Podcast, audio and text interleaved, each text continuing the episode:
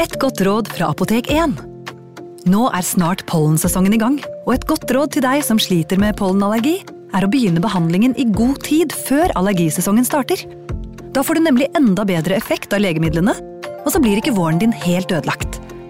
Kom innom og få råd på ditt nærmeste Apotek 1, eller chat med oss på apotek1.no.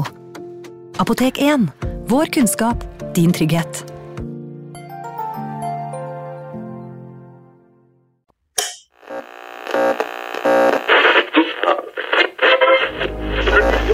Vi skal gjenta særmeldingen i dag. Nummer én Kjerringa er galen. Nummer to På ski over lyng og kvast. Nummer tre Baklengs inn i aftensangen. Baklengs inn i aftensangen. Vi skal til julaften, vi, Erik. Ja, nå er vi 24. desember 1942. Så det er vel årets siste likvidasjon eh, i 1942. Mm.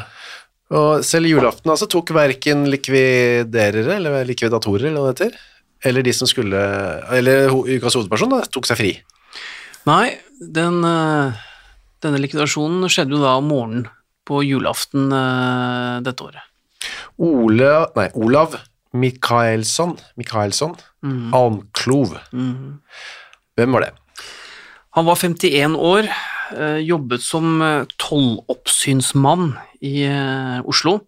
Han kom opprinnelig fra Bergen, men hadde da tydeligvis bodd i Oslo en del år. Han var ansatt da i det som ble kalt Sønnafjellske grensetolldistrikt. Jeg er usikker på hva en tolloppsynsmann gjør egentlig, sånn på, på, på jobben sin.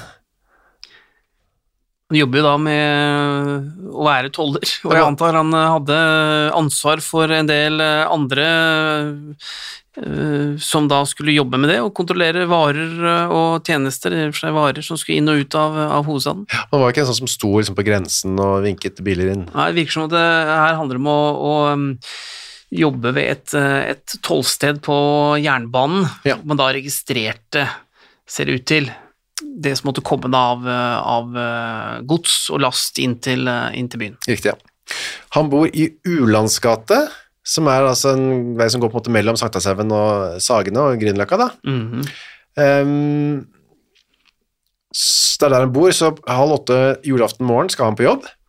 Ja, det er en vanlig arbeidsdag for han, og han er da på vei til jobben hvor han har tatt bussen eh, fra, mm, eh, eller fra eh, hjemmefra og, og ned mot Jernbanetorget, hvor han gikk av ca. ti over sju den eh, morgenen her. Kiellandsplass tok han bussen fra, ikke sant? Mm, Mm. mm. Dette er jo masse kjente steder her, for det er ikke noe annerledes nå. Nei da, eller forhåpentligvis litt, litt annerledes, Ja da, men, ja eh, men områdene og gatene fin, finnes jo Og fortsatt. plassen finnes ja, Iallfall mye av det som beskrives her. Så han forlot da to døtre, Elsa og Sonja, og noen barnebarn. Jeg vet ikke om de bodde de sammen med han, eller du det? det virker ikke som de bodde der. Jeg har iallfall ikke funnet de navnene på adressen hans, men det kan jo være Det var jo ikke alltid så nøye med, med hvor man registrerte bosted og sånn på, på den tiden her, men, men Olav Anklo er jo da ugift, men er, ny, eller er forlovet eh, med en kvinne. Det jeg eh, ikke greide å finne ut, var jo om han eh, var blitt skilt, eller om han var blitt enkemann. Det kan være i og for seg begge, eh, begge deler. Ja.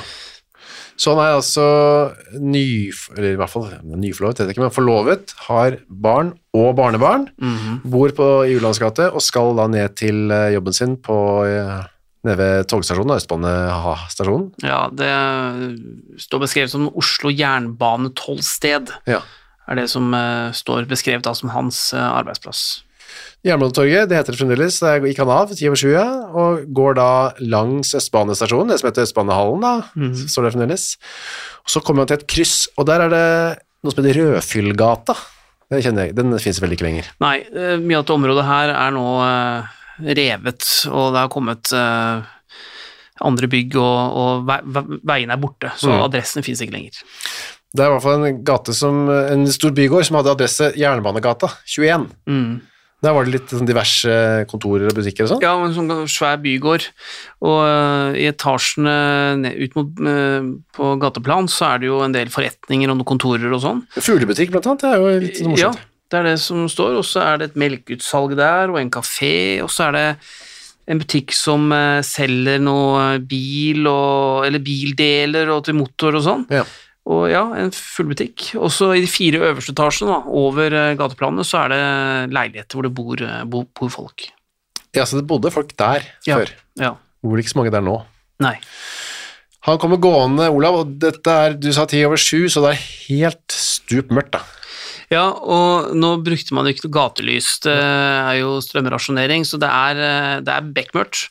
Og han kommer ut fra vitnene som eh, så eh, han i minuttene før han skal dø, det er at han kommer gående på venstre side da, av eh, Jernbanegata. Ja. Så kommer han til dette, denne Rødfyllgata, som det het, og da Dette forklarer han der eh, etterpå.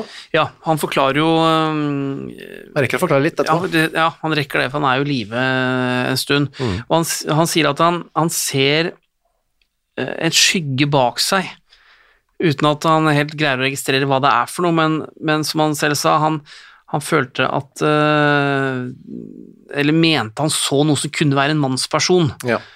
Og så, um, idet han i og for seg ser denne bevegelsen, så, så uh, blir han slått da i hodet to ganger med det som uh, da er en, eh, en, en, en, slags hammer, en skomakerhammer, en ganske liten, tynn hammer, som gjør ganske stor skade da når den treffer en, eh, en hodeskalle. Skomakerhammer. Jeg prøver å se det for meg, men det en litt mindre utgave av disse Ja. våre, våre hammere. Da. Ja, altså barne-TV-en når vi var små, Ja. skomaker Andersen, han hadde jo en sånn liten en som han drev og så dunka på under skoa. For å feste sånne småspiker og sånn. Ja. Den er jo liten og øh, ganske tynn og lett å bære med seg, men klart hvis du får en sånn i bakhodet med litt sånn kraft, så går den jo sånn ut tvers igjennom. Ja. Eh, Så den er jo øh, Farligere enn den ser ut til. på en Ja, måte. den er ikke noe hyggelig å bli slått med. Da er han utenfor denne bygården som vi snakket om, Jernbanegata 21, og da får han disse to slagene, og siger sammen, glir ned da, mot uh, kjøreporten der. Ja, altså han får da ett uh, slag i bakhodet, og så får han ett i panna. Uh, så enten har han snudd seg rundt, eller så har han blitt slått etter at han falt, altså er litt sånn uklart, mm. men det er to eh, slagskader da, i hodet på han. Og så eh, faller han sammen, som du sier, og, og eh, blir ganske raskt bevisstløs. Og så blir han sittende, sånn, han blir sånn halvveis sittende da, med, med, med ryggen inn mot eh, denne, denne kjøreporten inn til, inn til bygården i Jernbanegata. Så er det en eldre dame som er ute og spaserer, og kommer forbi og ser denne mannen som da halvsitter der, og tror først at han er en, en full mann. Ja, det var jo da som nå, så henter det at noen sovna på et uh, fortau eller i en bygård, og det er det hun tror her, da, eh, som hun sa etterpå, at hun trodde at han var full. Men etter hvert så Sannsynligvis så ser hun noe blod, eller et eller annet rundt hodet eller ansiktet, for hun, eh, hun ser jo da etter hvert at han er skada. Hun turte å gå bort til han, da, og, og forsøker å hjelpe ham opp.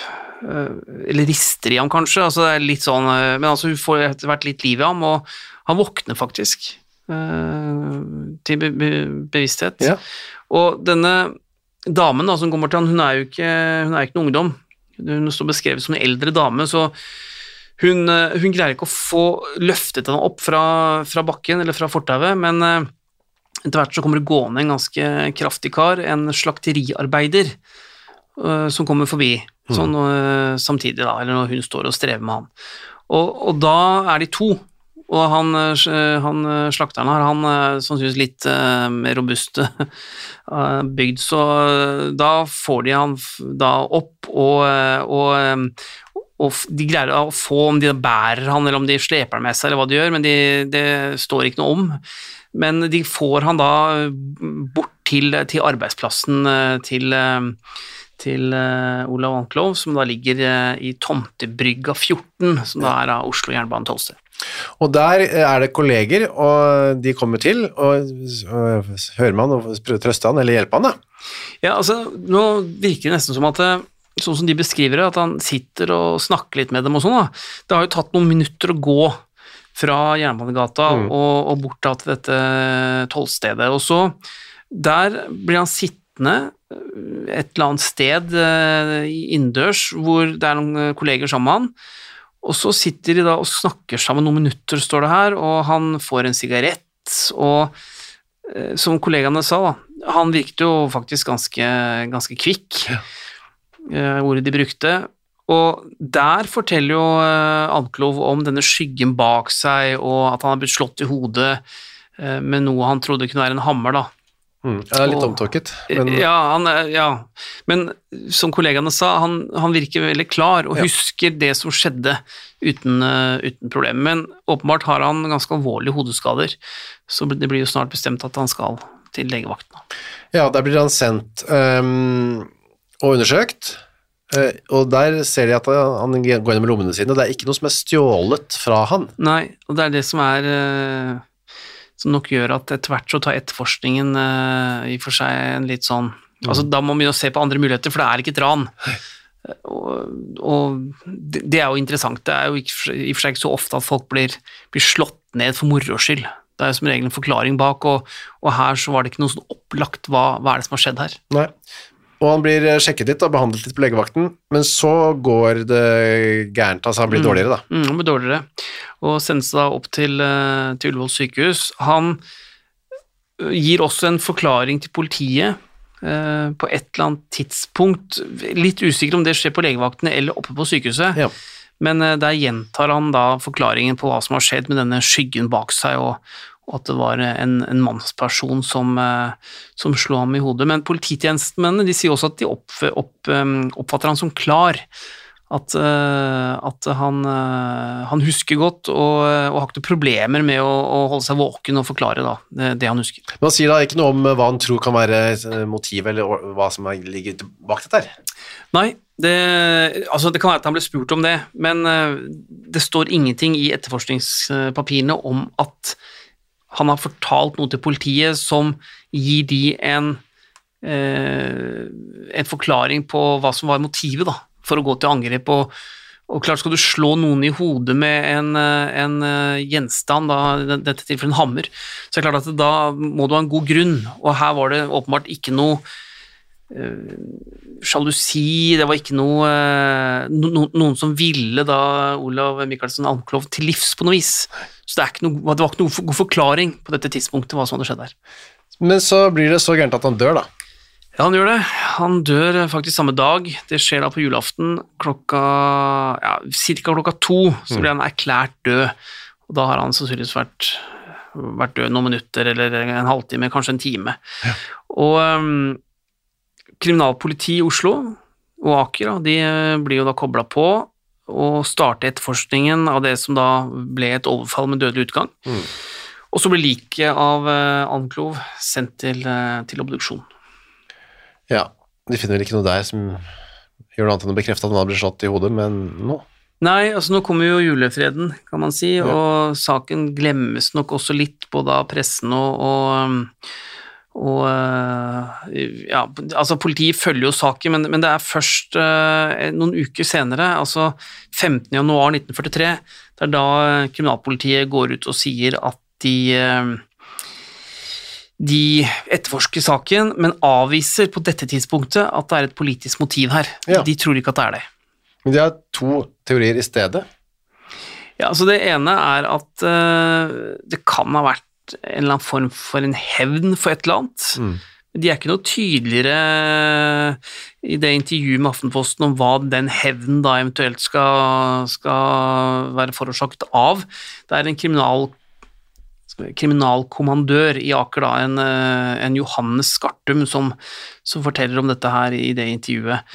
Og den andre teorien de har, er at denne gjerningsmannen da, som har angrepet Anklov, han, han kan ha vært det som Skartum eh, omtaler som, eh, som sinnssyk. Altså at det er en mentalt ustabil person som da har, har gått til, til angrep for moro skyld. Og den siste teorien der, den, den støtter jo øh, seg på ved at det har vært et lignende angrep eller en hendelse noen dager eh, etter dette, eh, dette, det, dette overfallet på, på julaften. Det skjedde 2. januar 1943, og da var det en, eh, en kvinne som ble slått i hodet idet hun gikk ut av en trikk eh, på, på Torshov, også i Oslo. Og hun hadde fått to slag i hodet, i og for seg med knyttneven, da, av en mann eh, hun, ikke kjente. Og heller ikke hun ble forsøkt ranet, og denne mannen bare stakk av etter at han hadde da slått henne. Så man tenkte kanskje at eh, dette kunne kanskje være samme gjerningsmann, eller at man så et mønster da i, i to ganske like hendelser, men eh, men eh, de, de, de kommer ikke noe nærmere noen oppklaring etter det, dette intervjuet heller. Men det de gjør, er jo å finne denne hammeren, og det altså Gud vet åssen de gjorde det, de fant i hvert fall den, denne skomakerhammeren, da, som det heter, inne på et toalett inne på Østlandet stasjon. Ja, de fant altså denne, denne hammeren da, og, og den fant de inne på et, et, et toalett da, eh, nedi, nedi en sånn vanntank. Ja. Så noen må jo da ha hatt en plan om å gjemme denne hammeren der. Det er rart, Hvis du ikke har tenkt å bruke den igjen, hvorfor legger du den der? For kaster du den ikke i søpla eller ut Ja. i sjøen eller annet? Ja, så, så der er det jo en eller annen, eh, en eller annen brist. Ja. Men eh, det viser jo at dette kan ha vært et overfall og et, etter hvert også et drap som nok kan ha vært mer planlagt enn man kanskje trodde til å, øh, begynne med. Mm. Og eh, eh, de eh, leter jo også mer i området rundt, og de finner jo eh, en mappe ikke så langt unna, unna området med, med noen eh, Altså med, som, det var, som det var vanlig å oppbevare rasjoneringskort i. Men eh, den var jo heller ikke Anklov sin, så de sender ut en etterlysning, får ikke noen respons. Så hele saken til politiet her eh, er eh, tynn, de kommer ikke noe videre, og, og sliter jo med å, å oppklare dette drapet. Så utover det dusør på 1000 kroner, Ja. eh, som jo er en bra sum, sikkert, på den tiden. Ja, og de går jo også ut med en etterlysning. De forsøker da å få tak i to personer som Olav eh, Michaelsen Almklov skal ha vært i kontakt med på et, et serveringssted som heter Tranen. Det skal ha skjedd da om kvelden den eh, 17. desember, en torsdag. Og Der var jo da Almklov ute med, med forloveden sin, og disse mennene skal da ha vært i kontakt med han der.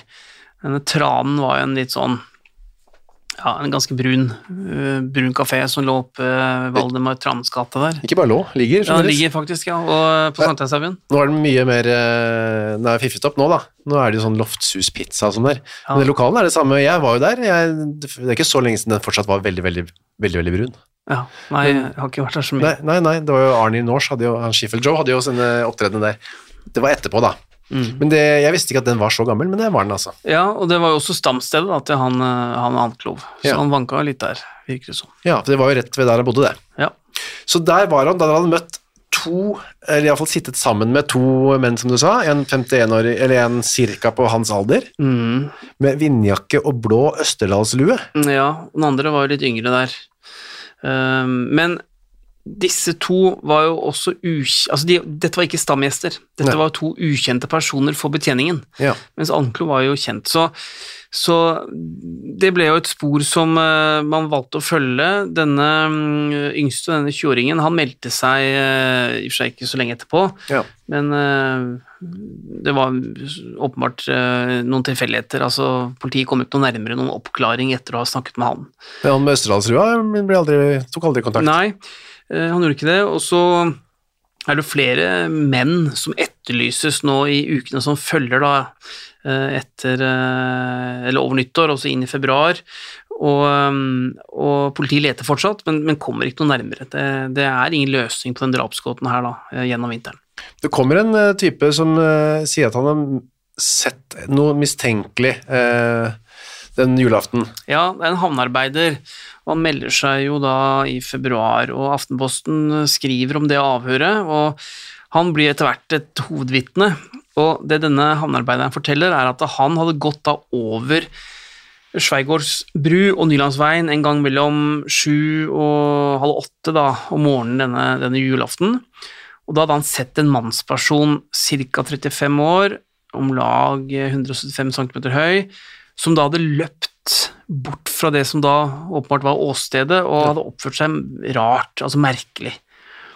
Og det virket som om denne, havn, denne mannen som havnearbeideren så, var, var, redd eller ville gjemme seg for et eller annet eller noe sånt.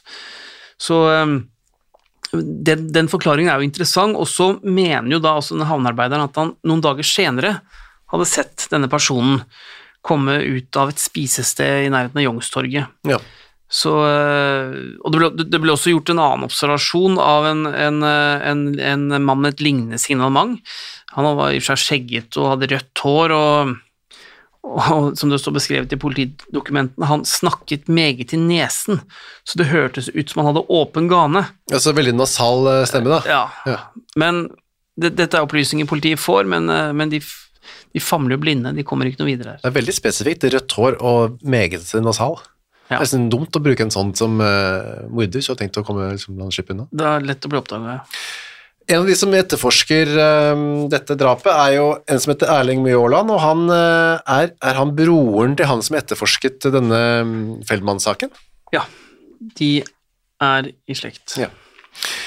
Men han, og han jobber jo eh, ved kriminal, eh, kriminalavdelingen, Oslo politikammer, Mm. hadde vært, blitt beordret til å delta i eh, jødearrestasjonene tidligere, Mm. er medlem av NS, Mm. men eh, er på en måte en litt sånn undercover motstandsmann. Ja, han har iallfall en form for um, sympati der, Ja.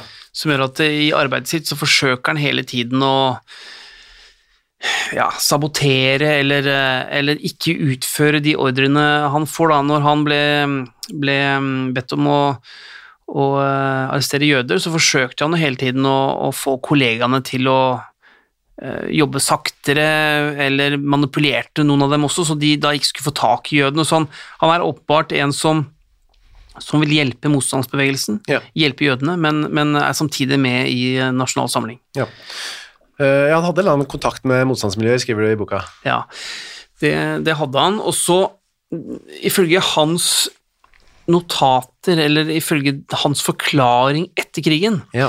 så finner han etter hvert ut at det er personer tilknyttet motstandsbevegelsen som hadde vært involvert i drapet da på Olav Michaelsen Almklov. Og det som var grunnen til at han ble drept, eller da likvidert, da, som man da etter hvert kan snakke om, det er at han var en angiver som på en eller annen måte var involvert i en form for virksomhet som da tjente okkupasjonsmyndighetene. Men det er veldig uklart fortsatt hvem han rapporterte til, hva slags informasjon han ga fra seg, og hvem han da eh, faktisk jobbet for. Var det det tyske sikkerhetspolitiet, var det statspolitiet, var det noen andre? Så det, det står det ingenting om. Og um, Erling Mjåland han fortalte jo heller ingenting om dette før, eh, før mange år etter krigen, og da var det for sent å finne ut noe mer om det. Ja, for det er jo uklart eh, hva sånn Umiddelbart så skjønner man ikke helt hva en, en sånn tollmann skal ha av liksom, interessant informasjon eh, å overbringe Men det vet jo ikke jeg, da. Det kan være en Ja, Han kan jo ha vært en som da jobbet på dette tolltjenestestedet og f.eks. hadde god oversikt over hvem som sendte hva. Ja. Pakker inn og ut. Mm. På den tida her så var man jo eh, kanskje litt mindre forsiktig da med å, å, å bruke postvesenet som en eller annen form for kanal. Så det kan jo være at han, han ga fra seg informasjon her, men, men fortsatt så fremstår den, den saken her som eh, veldig uklar. Eh, Mjåland han fortalte om dette her først i, i 1985, Ja. i, i eh, Et intervju? et intervju han ga da, ja. Og, og hvem, hvem Altså, det som står i, i de dokumentene, er at eh, hvem han hadde gitt opplysninger til, det visste vi ikke, men det var klart at han var angiver, og, man, og politiet ville ikke varsle familien, fordi de visste ingenting om det. Nei. Og man valgte da å ikke gå ut med de opplysningene før eh, mange år etter, eh, etter krigen, men som Mjåland sa, jeg vet at vi hadde såpass mange opplysninger at vi godt kunne forfulgt denne saken videre. ja, men da ville både kanskje man rullet opp motstandsfolk og altså, plaget familien med det faktum at faren var angiver, da. Ja, så da valgte man isteden å, å la det drapet forbli uoppklart.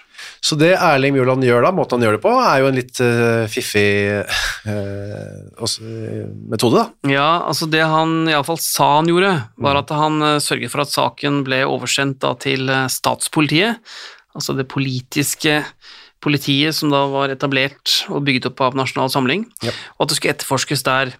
Og det Mjåland da regnet med, var at ved å gi saken over til statspolitiet fra kriminalpolitiet, så var sannsynligheten mye mindre for at det ville bli, eh, bli oppklart.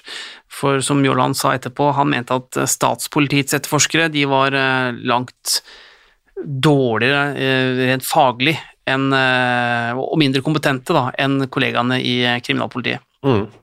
Og det hadde han jo rett i.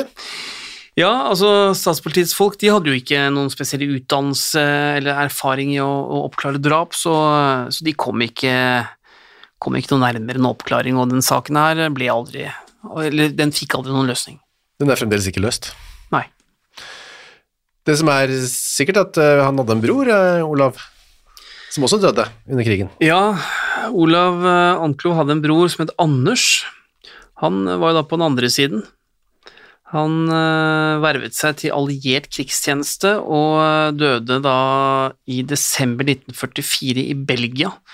Og eh, han var visekorporal i den amerikanske hæren. Han hadde da kommet seg over til USA, vervet seg til militærtjeneste der, og gikk da under navnet Andrew eh, Anklov og tilhørte da en avdeling som het eh, 99th Infantry Battalion, og tilhørte B-kompani der. Og dette var i og for seg en spesialavdeling for norsk-amerikanere, som, eh, som da i og for seg var en del av den amerikanske hæren, men skulle bli øremerket da til innsats i Norge. Og et av kravene var at de skulle, skulle snakke norsk. Og eh, ja, blant nordmennene så ble jo avdelingen omtalt som bataljon 99, men eh, han Andrew da, han falt jo da i desember 1944 i kamp med tyske styrker i Belgia. Så to år omtrent da, etter at eh, broren ble drept. Ja, så her falt det da, eller døde det da, to brødre, en på alliert side og en da tilsynelatende i tysk eh, i tysk tjeneste. Hvis det ikke var den gærne mannen da, som slo til hun dama på trikken, som også slo til han, det vet jo ikke da. Nei, det som er litt ehm, Altså Det som gjør at denne likvidasjonen har blitt stående, er jo at eh, den har vært en del av det, den offentlige oversikten. Mm. Og derfor valgte jeg også å ta den med da i De kalte dem eh, rottejegere. Men eh, jeg ser jo at ehm, dokumentasjonen er ganske tynn, så jeg håper jo at man, når man nå igjen har fortalt om denne hendelsen, eller drap, eller likvidasjon, eller hva det var for noe, at det kan komme ny informasjon som kanskje forklarer ordentlig uh, hva dette var. Men den står som, uh, som uh, en uløst gåte. Det som er litt rart, er at ingen tok på seg ansvar etterpå. Ja, det var, gjorde ikke det, nei. Nei, fordi likvidasjonene var det mange som ønsket å si at de hadde vært med på. Ja. Om ikke knyttet til enkeltpersoner, så iallfall til, til en gruppe eller, eller en, en del av Milorg, men her har det aldri kommet frem.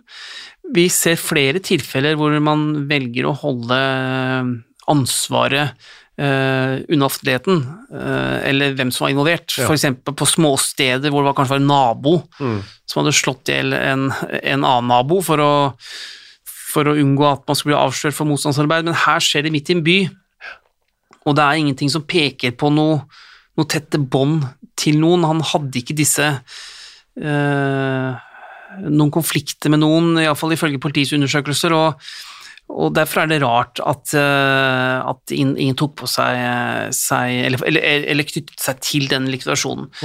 På den annen side så er det ingen annen god forklaring på den heller. Altså, det er, det er ikke et ran. Det mm, er grunn til å tro at eh, kriminalpolitiet hadde funnet ut hvis det var en, en syk person som gikk rundt og slo folk i hodet Ja. med en hammer. Så derfor blir den stående som en gåte, og eh, jeg håper at vi kanskje en gang eh, finner svaret, da. Hva som egentlig skjedde der. For det som det ikke er tvil om, er jo at, eh, jeg vet ikke akkurat den saken her, men i mange av sakene som er innom, så finnes det jo etterkommere der ute, Ja. hvor noen av dem antageligvis vet mer enn en oss. ja. Og det finnes også alltid en eller annen som vet noe. Mm.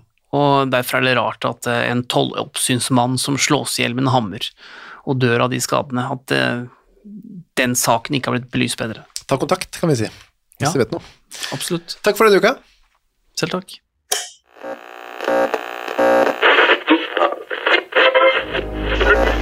Vi skal gjenta særmeldingen i dag. Nummer én Kjerringa er galen. Nummer to. På ski over lyng og kvast. Nummer tre. Baklengs inn i aftensangen. Baklengs inn i aftensangen.